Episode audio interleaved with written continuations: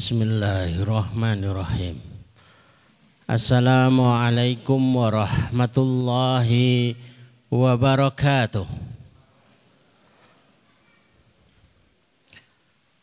Alhamdulillah nahmaduhu wa nasta'inuhu wa nastaghfiruh wa nastahdihi wa na'udzu billahi min anfusina ومن سيئات أعمالنا من يهده الله فلا مضل له ومن يضلل فلا هادي له.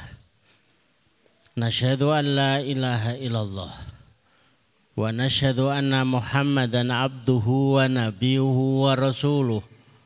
لا نبي ولا رسول بعده. اللهم اشرح صدورنا wa tazawwas an sayyiatina wa hab lana fahmal anbiya'i wal mursalin wa hab lana fahmas salafus salih Allahumma anfa'na bima wa 'allimna ma yanfa'una wa zidna ilman wa na'udzu billahi min ahwali ahli nar Allahumma la sahla illa ma ja'altahu sahla wa anta tas'alul hazna idza syi'ta sahla Rabbi syrah li sadri wa yassir li amri wa hlul 'uqdatam min lisani yafqahu qawli. Rabbi zidna ilma. Subhanaka la ilma lana illa ma 'allamtana innaka antal alimul hakim. Rabbana atina min ladunka rahmah Wahai lana min amrina rasada. Amma ba'd. Bapak Ibu yang semoga dirahmati Allah. Semoga dicintai oleh Allah Subhanahu wa taala. Semoga diistiqomahkan oleh Allah Subhanahu wa taala. Sore hari ini kita akan mengkaji dengan tema hijrah dari judulnya Bapak Ibu sudah batin. Maksudnya iki piye gitu ya. Tapi belum tentu tepat. Karena terlalu banyak mereka yang katanya itu memilih tema hijrah. Tapi begitu kenyataan ternyata dimaknai hijrah itu pindah. Padahal hijrah itu bukan pindah. Pekerjaan masih sama, teman-teman masih sama, aktivitas juga sama. Terus bedanya apa gitu loh. Walaupun kaos tulisannya hijrah gitu. Ini bedanya apa? Ya tulisan. Maka sore ini kita akan mengkaji bareng-bareng bahwa hijrah itu tidak identik dengan pindah tapi hijrah itu kalimat yang tepat justru adalah berubah. Jangan mengaku hijrah. Apa pun yang Bapak Ibu manai dengan hijrah itu. Pilihan katanya. Kecuali bahwa kenyataannya dengan hijrah itu kita berubah. Memang berbeda dengan makna yang sudah kita tanam dalam-dalam. Kok beda? Tak kira naik wes hijrah itu pindah. Tidak harus pindah. Tapi yang paling pokok itu adalah berubah. Mari kita lihat slide-nya. Kita pakai slide itu biar terukur ya. Tidak terlalu panjang, juga tidak terlalu pendek, ukurannya pas gitu ya. Makna hijrah yang bermakna pindah cara sama tapi karakter sama ini bukan hijrah. Cara mendapatkan harta sama. Cuma bedanya hari ini ada tulisannya hijrah. Niki Pak Sinten niki namanya niki. Niki Pak Imam. Pak Imam Sinten toh? Pak Imam hijrah. Tapi ternyata mendapatkan hartanya masih sama bahkan cara hidup yang sama. Kemarin tidak puasa, sekarang juga tidak puasa. Terus bentennya nopo. Kemarin tidak kiamulail, sekarang tidak kiamulail. Itu bedanya apa gitu loh. dulu itu nggak doyan ngaji. Baca Quran satu lembar itu angope peng sedoso. Sekarang menguapnya sepuluh kali. Lalu terus bedanya nopo? Maka hijrah yang kita inginkan adalah hijrah yang membuat kita berubah. Maka kalau berubah, otomatis sejarah kita pun berubah. Masing-masing kita itu punya cerita. Yang boleh jadi kita nggak gagas gitu ya. Pengennya dibuat di sebuah buku cerita PSBB gitu. Enggak, enggak harus. Orang-orang yang melihat kita terkesan dengan hidup kita, terkesan dengan cara cara-cara hidup kita, strategi-strategi kita. Itu sudah cukup untuk menjadi sebuah sejarah. Dari bapak diceritakan ke anak, diceritakan ke cucu, Bahkan sampai diceritakan ke cicit. Kalau kita bercerita tentang Al-Imam Ash-Syafi'i rahimahullahu ta'ala. Itu kira-kira baru kemarin apa baru 10 tahun yang lalu ya. Padahal itu sudah ratusan tahun. Kalau kita cerita tentang Rasulullah, Jarak kita dengan Rasul itu berapa tahun? Nun sewu? Kayaknya baru 100 tahun kayaknya. Ternyata begitu dicek, dicek itu sudah 1500 tahun lebih. Sudah lama meninggalkan kita. Tapi kayaknya kok masih segar dalam ingatan gitu loh. Ceritanya itu masih segar masih sedep, dinikmati itu masih mantep. Kenapa bisa seperti itu? Maka cerita hijrah itu sama dengan berubah. Itu ada dua analog yang akan kita ceritakan dalam cerita ini. Coba dilihat selanjutnya. Gambarnya yang menakutkan. Padahal setiap kita ya sudah sering lihat gitu ya. Ada yang berproses hijrahnya itu ala ular. Kalau Bapak Ibu itu memperhatikan ular. Ular yang berproses. Napa niku biasanya nlungsungi ganti kulit. Setelah beberapa waktu berproses berganti kulit. Itu namanya apa Bapak Ibu? Ya namanya ular gitu loh. Cara jalannya ya cara jalan ular. Makanannya makanan ular. Terus cara mencari kehidupannya, cara jalannya. Kayaknya masih sama itu. Terus Bedanya apa? Ternyata itu menjadi sebuah pelajaran bagi kita. Ada orang-orang yang berproses hijrah itu prosesnya itu ala ular. Namanya yo sama.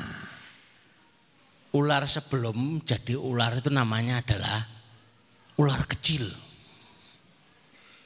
Ular kurus. Tapi ya tetap namanya ular gitu loh. Tidak berubah. Ada enggak yang melihat atau menyaksikan ular itu setelah berproses kemudian makanannya berubah. Dulu sebelum berproses ganti kulit makanannya itu ayam. Sekarang makanannya ayam goreng. Hamburger.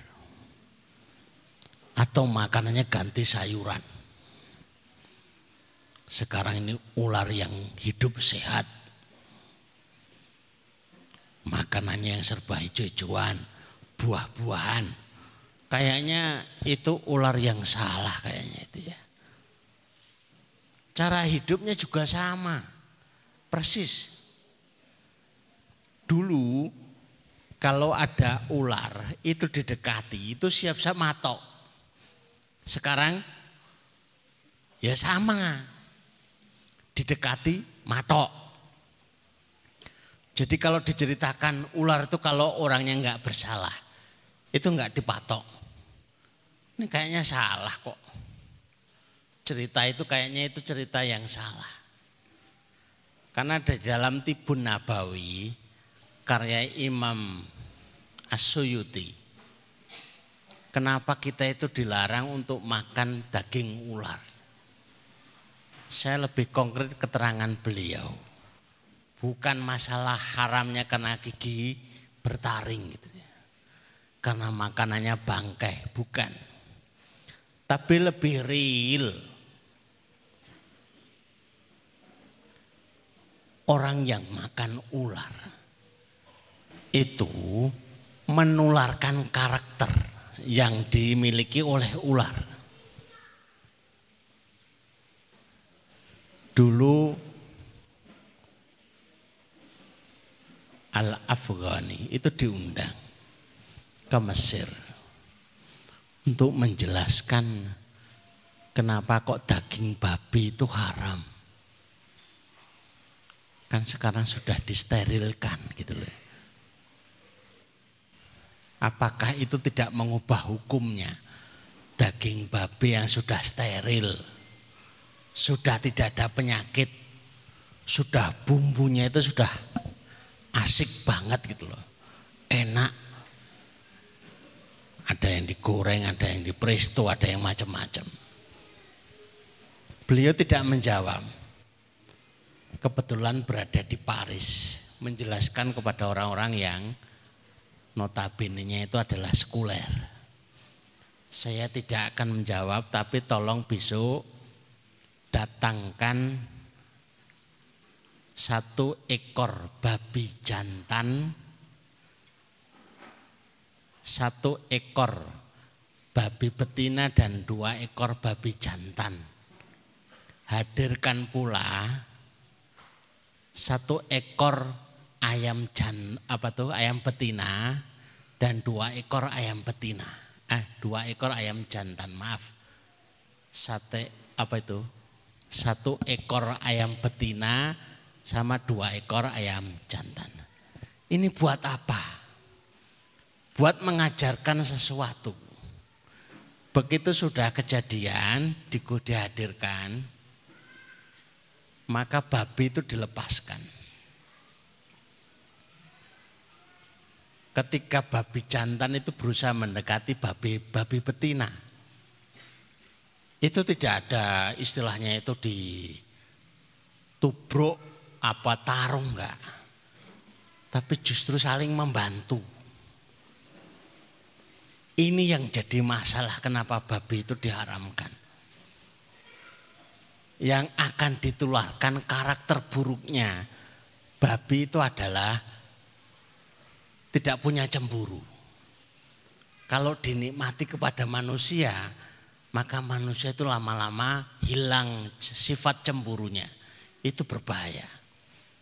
Kenapa kok daging ayam boleh? Itu bukan karena saya suka ayam gitu loh ya. Tapi karena begitu ayam betina dilepas di antara dua rekor ayam jantan itu tarung. Memperebutkan. Sampai pendel-pendelan gitu. Sampai berdarah-darah. Ini loh. Ayam itu karakternya itu masih bagus. Masih mempertahankan rasa cemburunya. Tapi kalau babi itu tidak ada rasa cemburunya. Makanya diharamkan oleh Allah. Ternyata bukan semata-mata ini steril apa bukan steril. Tapi urusannya karakternya itu bisa nular. Nah, di antara semua binatang,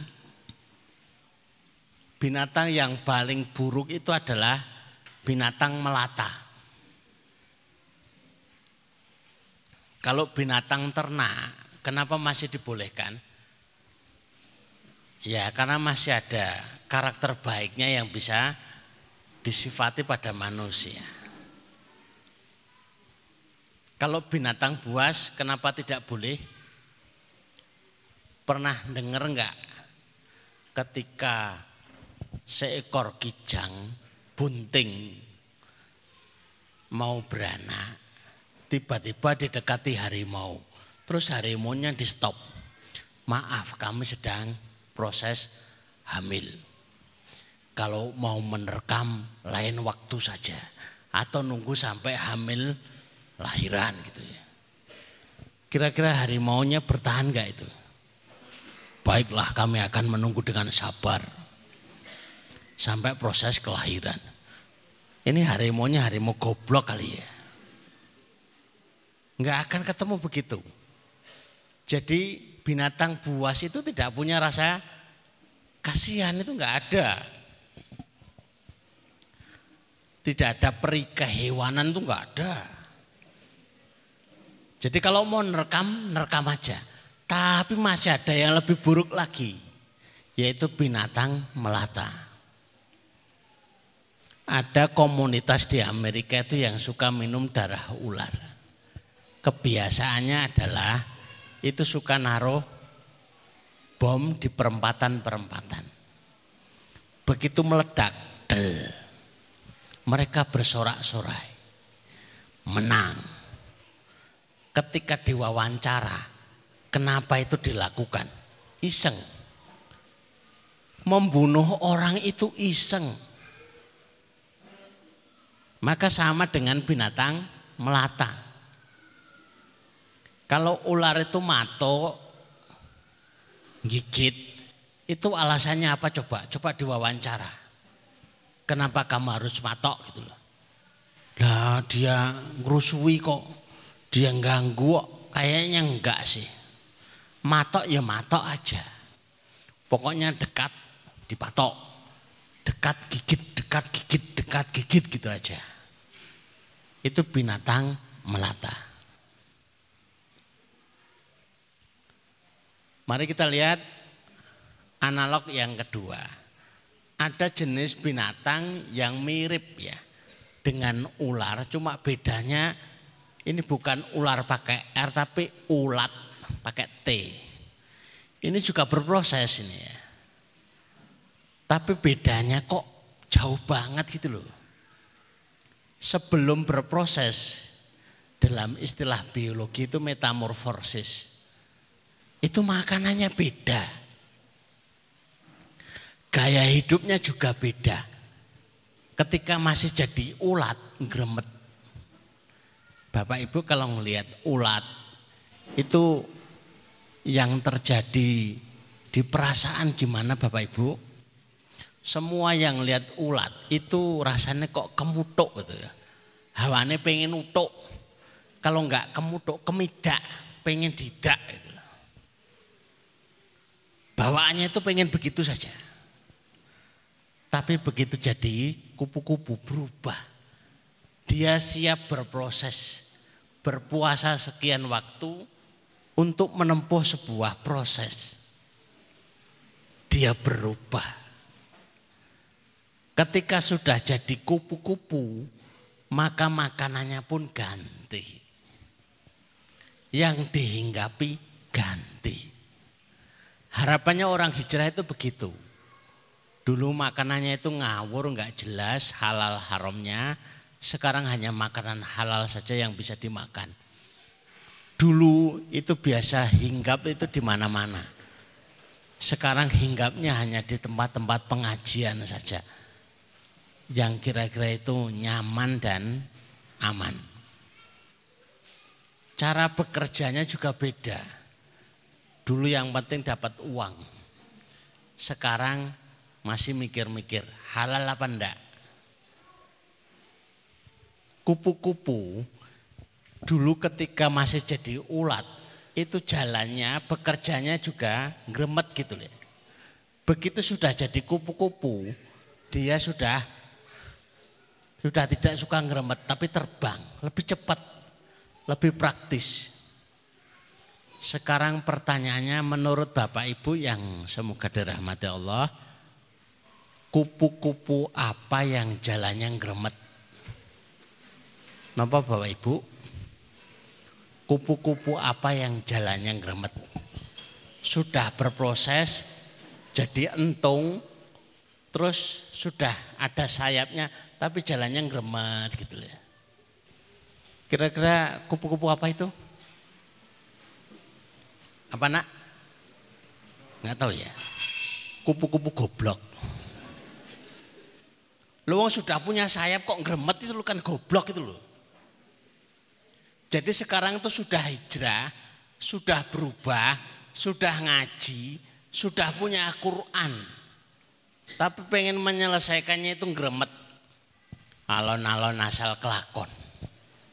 Berarti itu jamaah apa Bapak Ibu? Ya nggak tega ngomongnya ya. Jamaah nggak pinter. Kok cik gremet weh. Lawang bisa ngaji. Mukjizatnya ya di Al-Qur'an. Mukjizatnya nggak kepake. Ngajinya nggak dipakai. Dia malah pengen alon-alon asal kelakon. Masalahnya sudah berapa lama Bapak Ibu? Udah berapa tahun nih? Kayaknya udah 8 tahun, sudah 9 tahun. Hutangnya belum lunas berapa tahun? Sudah 10 tahun. Loh kok lambat banget? Karena sayapnya enggak dipakai. Karena sarana yang diberikan Allah enggak dipakai. Hebatnya orang-orang beriman itu kalau sarana yang diberikan Allah itu dipakai. Kalau sarananya itu adalah doa, ya berdoa terus. Sehari berdoa 50 kali enggak masalah. Waktu adzan berdoa. Habis adzan berdoa lagi. Habis sholat doa lagi. Waktu sujud doa lagi. Sebelum tahiyat, sebelum salam doa lagi. Nah apa-apa dipenuhi hari-harinya penuh dengan doa. Pokoknya kalau belum selesai masalah dia akan tetap terus berdoa dipanjer terus sampai selesai. Sampai warna dan penampilan serta tempat singgahnya berbeda. Ini maknanya sudah berubah. Dulu warnanya itu hijau, gremet. Sekarang sudah jadi coklat, bahkan kuning, warnanya beda jalannya nggak ngeremet lagi, bisa terbang. Yang seharusnya bisa ditempuh perjalanan itu dalam waktu dulunya itu setengah jam. Sekarang 10 menit, 5 menit selesai. Karena nggak gremet lagi. Karena dia sudah berubah, sudah berhijrah. Selanjutnya, coba mas, selanjutnya. Ya ada empat surat yang dulu itu membangun jiwa. Saya nandai betul itu ya. Empat surat pembangun jiwa. Gara-gara empat surat ini kemudian Rasulullah itu berubah. Dulunya Rasulullah itu sudah baik. Secara fitrah itu sudah baik. Tapi kemudian dibangun jiwanya. Hingga bangun berubah jadi sangat-sangat baik. Empat surat itu adalah surat Al-Alaq, Iqra. Kemudian surat Al-Fatihah, kemudian surat Al-Muzammil, kemudian surat Al-Muddathir. Empat surat inilah yang kalau para ahli tafsir itu menandai ini awal-awal perubahan pada Rasulullah Shallallahu Alaihi Wasallam. Maka perhatikan ini termasuk surat yang pertama-tama turun kepada Rasulullah. Belum banyak surat yang turun, tapi inilah yang mengubah. Bapak Ibu tuh nyaris tahu semuanya kalau ditanya. Rasulullah mengamalkan surat Al-Muzammil itu berapa tahun? Rasulullah mengamalkan surat Al-Muzammil berapa tahun? Sepuluh tahun. Kalau Bapak Ibu ingin mengikuti Rasulullah berkenan berubah ala yang dilakukan Rasulullah bersama para sahabat. Sepuluh tahun itu baca Quran di dalam sholat malam mulai jam 11 malam sampai 30 menit sebelum adzan subuh. Itu betul-betul berubah Itu kalau sudah porsinya sudah porsi tinggi banget itu ya. Kalau sudah mencapai posisi yang demikian sudah luar biasa. Mengikuti pola yang pernah dahulu dilakukan oleh Rasulullah. Sejak kami di dalam pondok itu sudah meniru bagaimana caranya agar makin lama makin lama itu kiamulail itu makin lama. Tapi belum pernah berhasil jam 11 malam sampai 30 menit adzan subuh. Belum pernah berhasil. Paling yang berhasil itu ya hanya dua jam, dua jam, dua jam. Sehingga dituliskan sebagai formula 12 itu. Itu, itu baru dua jam itu. Sangat sedikit sekali. Itu saja sudah dikomen semua yang lihat itu. Ini benar enggak dua jam? Ya memang benar. Gila kali. Loh, ya memang itu perubahan yang ingin dicapai. Dua jam itu hanya lima jus. Kalau lima jam itu baru sepuluh jus. Dengan hitungan satu jusnya 30 menit. Maka luar biasa perubahan-perubahan yang dilakukan. Kalaupun orangnya tidak mau berubah, enggak apa-apa, diem aja enggak apa-apa. Tapi dipaksa akan berubah dengan sendirinya ayat-ayat itu akan membuatnya berubah. Baik dia itu suka ataupun dipaksa. Jadi interaksi dia dengan ayat-ayat Al-Quran itu akan merubah. Karena ayat-ayat Al-Quran itu fungsinya adalah mukjizat, maka akan berubah kehidupannya sebagaimana kehidupan mereka yang bersama mukjizat. Mereka yang ingin kehidupannya dipenuhi dengan keajaiban. Maka bersamalah Al-Quran. Bacalah. Sebaik-baik membaca itu di malam hari. Dan sebaik-baik itu adalah ketika jam 11 sampai jam 30 menit sebelum adzan subuh. Lamanya begitu itu akan menjadi sesuatu yang luar biasa. Selanjutnya ini awal, awal syariat yang disampaikan Rasulullah. Nampaknya sepele tapi ini prakteknya susah. Beberapa kali kita umumkan, kita sampaikan, bahkan kepada Bapak Ibu pernah kami sampaikan. Rasulullah itu baru datang hari Rabu di kota Madinah baru saja datang. Ditunggu masyarakat Madinah dengan tola al-badru alaina. Begitu sudah sampai Rasulullah di Madinah ditunggu. Kiranya kalimat apa yang pertama kali akan diucapkan Rasulullah. Ternyata Rasulullah itu bersabda ayuhan nas afsus salam. Wahai manusia sebarkan salam. Kayaknya sepele banget kan, cuma salam tok. Tapi hari ini coba di mana dipraktekkan salam itu dalam masyarakat. Panjenengan masuk masjid salam nopo mboten? Masuk angkot salam nopo mboten? Masuk bis salam apa ndak?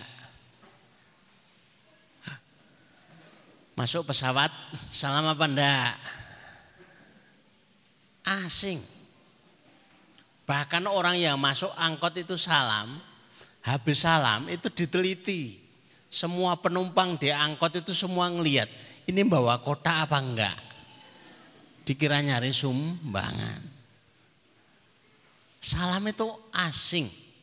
Seperti sabda Rasulullah, kelak di akhir zaman salam itu hanya diberikan kepada orang yang kenal saja.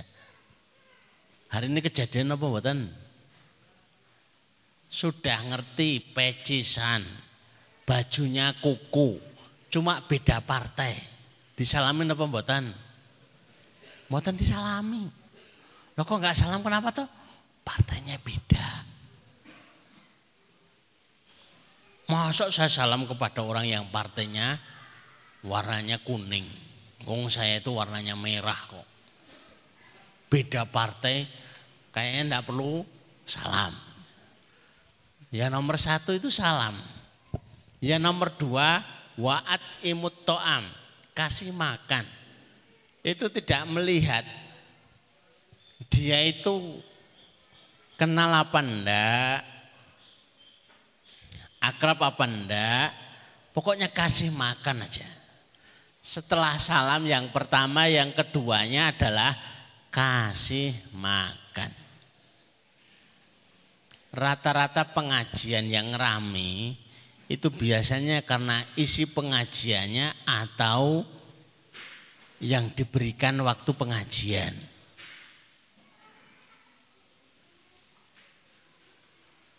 Halo pengajiannya bagus banget. Atau karena berkatnya.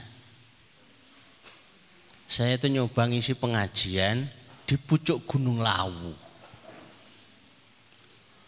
Desa terakhir yang ada di Gunung Lawu, di Tawangmangu.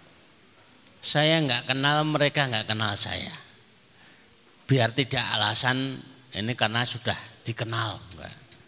Tapi saya bawa makanan sembako 2500 2500 paket itu. Itu yang hadir sekitar 3 ribuan orang. Kok bisa itu? Karena semuanya itu hadirnya itu bukan ingin lihat pengajian. Pengen dapat pengajian, boten. Tapi mayoritas semuanya itu pendapat apa itu bersepakat mau dapat sembako. Jadi walaupun Ustadz nggak dikenal sekalipun, ya baru pertama kali ketemu, itu ya datang. Karena dalam pikiran mereka, iki sembako, isinya opo ya. Itu sudah, itu daya tarik yang luar biasa. Maka acara itu kemudian kami simpulkan bahwa hidayah itu bisa dibeli. Cara belinya itu ya pakai sembako itu. Yang nomor tiga silaturahim. Jadi kalau sudah salam memberi makan, baru yang ketiga disilaturahimi. Ini ilmu lama tapi dipakai setiap zaman. Bapak Ibu yang dirahmati Allah kalau ada dil-dilan, ada tanda tangan yang harus itu deal gitu ya. Itu biasanya di mana Bapak Ibu? Di kolam renang atau di masjid atau di tempat pengajian. Rata-rata di tempat makan.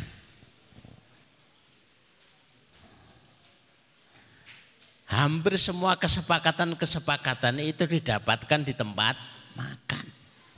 Kok bisa ya? Hadis ini sudah mewakili dari sekian waktu sudah disebut oleh Rasulullah. Baru yang keempat sholat malam. Kalau pakai salam itu tidak bisa luluh. Dikasih makan juga nggak bisa luluh. Di silaturahimi juga nggak luluh. Baru kemudian senjata yang keempat adalah sholat malam. Habis sholat malam didoakan. Allahumma tihim. Ya Allah kasih hidayah dia ya Allah mudah-mudahan berubah. Saya dulu tuh punya tetangga. Kalau pagi hari itu nyetel dangdutnya itu buanter. Awalnya kita tegur, nun sewu. Kalau nyetel dangdut jangan banter-banter. Tapi malah jawab, lo ini tip-tipnya Dewi kok radio-radionya sendiri, rumah-rumahnya sendiri, kuping-kupingnya nah, ora seneng ya ora sadurungoke. Waduh, berarti harus pakai senjata yang keempat ini. Malam harinya kita sholat malam, langsung doakan ya Allah, rubahlah hobi tetanggaku. Dari dangdut, senang nasid sama murotal. Ternyata besok pagi itu sudah berubah.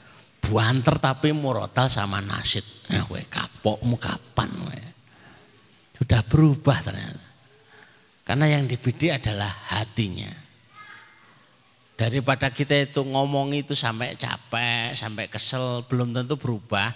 Kita punya sholat malam yang itu luar biasa. Saya nyebutnya itu pedang malam. Yang tidak pernah akan berbalik arah. Gunakan sesuatu untuk merubah yang tidak bisa dirubah dengan salam. Sesuatu yang tidak bisa dirubah dengan memberikan makam, memberikan makan atau tidak bisa dirubah dengan silaturahim sekalipun, maka sholat malam itu menjadi senjata. Kalau hadisnya itu panjangnya afsus salam wa'at imut to'am wa silul arham wa salul laila wa nasuniyam tadkhulul jannata bisalam kamu menyebarkan salam, memberi makan, silaturahim, sholat malam ketika manusia itu sedang tidur, maka kamu akan masuk surga dengan selamat. Surga akhirat saja itu bisa dimasuki dengan empat amalan ini, apalagi surga dunia. Sehingga lebih mudah lagi dibanding dengan surga akhirat kita. Demikian Bapak Ibu yang dirahmati Allah mudah-mudahan sudah bisa disimpulkan makna. Oh ternyata tak pikir kalau sudah hijrah itu pindah. Sementing masjidnya pindah. Sementing sudah ganti baju. Ternyata bukan. Berubah segala galanya. Berubah tata cara. Makannya juga berubah, gaya hidupnya juga berubah, visi misinya juga berubah. Mudah-mudahan bermanfaat yang kita kaji pada kesempatan sore hari ini.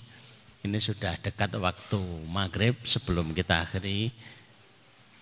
Coba lihat slide yang terakhir ya.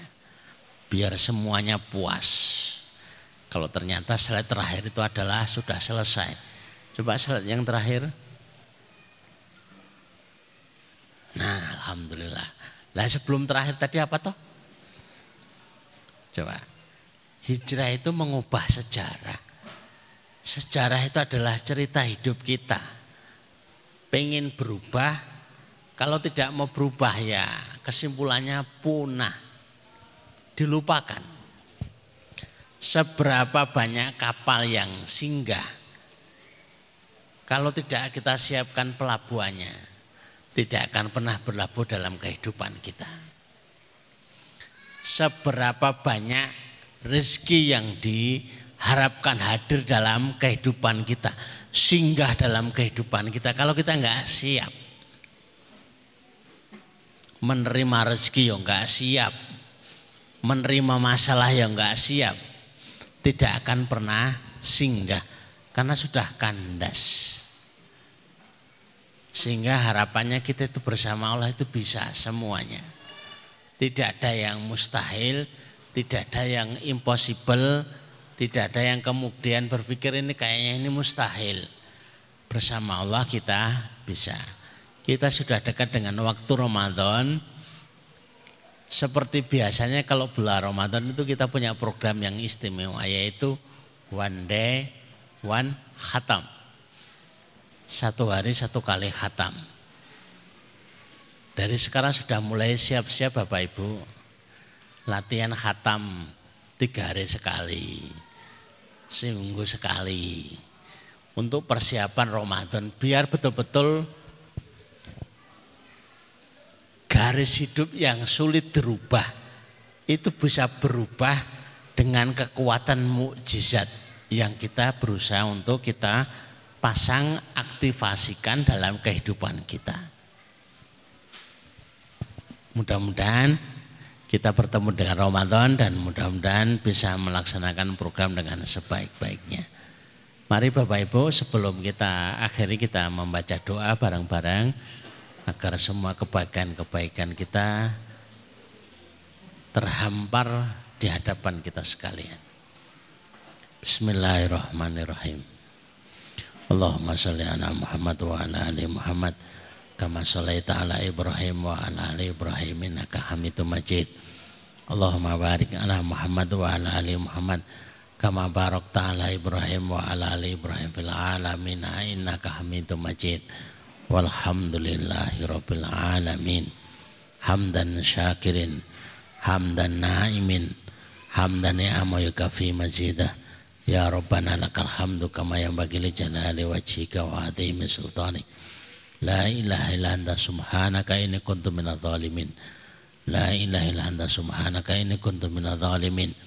La ilaha illa anta subhanaka inni kuntu minadh. Allahumma ya Rahman ya Rahim ya Hayyu ya Qayyum ya Dal Jalali wal Ikram. Allahumma ya Rahman ya Rahim. Ya Hayyu ya Qayyum ya Dal Jalali wal Ikram. Allahumma ya Rahman ya Rahim. Ya Hayyu Ya Qayyum Ya Dal Jalali Wal Ikram. Allahumma inna nas'aluka min khairin ma sa'ala min nabiyyika Muhammad sallallahu alaihi wasallam. Wa na'udzubika min syarri ma sta'adha min nabiyyika Muhammad sallallahu alaihi wasallam antal musta'an alaikal balak wala khawla wala quwwata illa billah ya Allah sesungguhnya kami memohon seluruh kebaikan yang pernah diminta oleh Nabi kami sallallahu alaihi wasallam ya Allah Sesungguhnya kami meminta perlindungan yang pernah diminta oleh Nabi kami Shallallahu Alaihi Wasallam. Ya Allah, Engkau lah yang menyampaikan segala urusan. La khawla wa la quwata illa billah. Allahumma kfina bi halalika haramika wa aghnina bi fadlika aman siwaka. Ya Allah, cukupkan kami dengan rezekimu yang halal ya Allah sehingga kami tidak butuh dengan yang haram. Ya Allah kayakan kami dengan anugerahmu ya Allah sehingga kami tidak butuh kepada selainmu ya Allah birahmatika ya arhamar rahimin Allahumma inna nas'aluka amalan baron wa rizqan daron wa aishan wa qaran ya Allah anugerahkan kepada kami amalan yang baik-baik rezeki yang mengalir kehidupan yang tenang kehidupan yang tentram. Birahmatika ya arhamar rahimin. Allahumma tibham mana Allahumma tibham mana Allahumma mana ya Allah angkatlah masalah-masalah kami. Ya Allah angkatlah kesulitan demi kesulitan kami. Ya Allah urailah problematika kami. Birahmatika ya arhamar rahimin Rabbana atina fid dunya hasanah wa fil akhirati hasanah wa qina adzabannar wa qina adzabannar wa qina adzabannar wa sallallahu ala Muhammadin wa ala alihi wasallam Alhamdulillahirabbil alamin. Demikian Bapak Ibu yang dirahmati Allah. Kajian kita sore hari ini sudah ditutup dengan doa. Kita tutup dengan kafratul majlis wa hanakallahumma rabbana wa bihamdika asyhadu an la ilaha anta astaghfiruka wa atubu ilaik. Assalamualaikum warahmatullahi wabarakatuh.